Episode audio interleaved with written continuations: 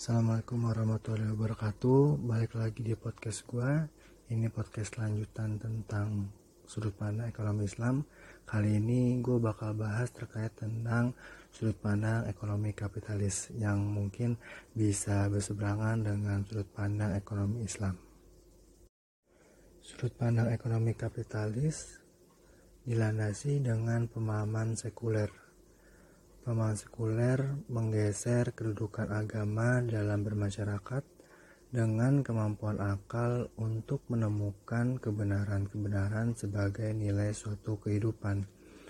Dalam contoh kecil ini, ketika seseorang menilai baik atau buruk, benar atau salah, ditentukan oleh tingkat kesenangan dan kesakitan. Jika mendatangkan kesenangan adalah suatu hal yang baik, dan apa saja yang menyebabkan sakit adalah suatu hal yang jahat. Nilai ini disebut dengan utilitarisme.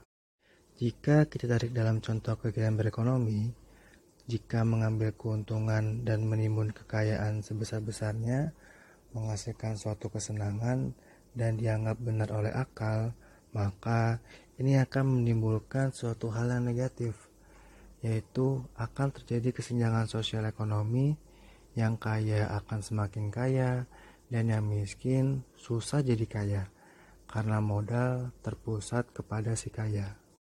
Konsep ini berbeda halnya dengan sudut pandang ekonomi Islam yang sebelumnya kita sudah bahas, di mana ekonomi Islam memiliki konsep keadilan, konsep keadilan yang dapat mensejahterakan masyarakat.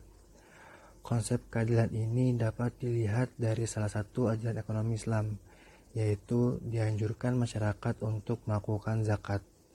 Zakat adalah proses kegiatan untuk bisa mendistribusikan kekayaan dalam bermasyarakat.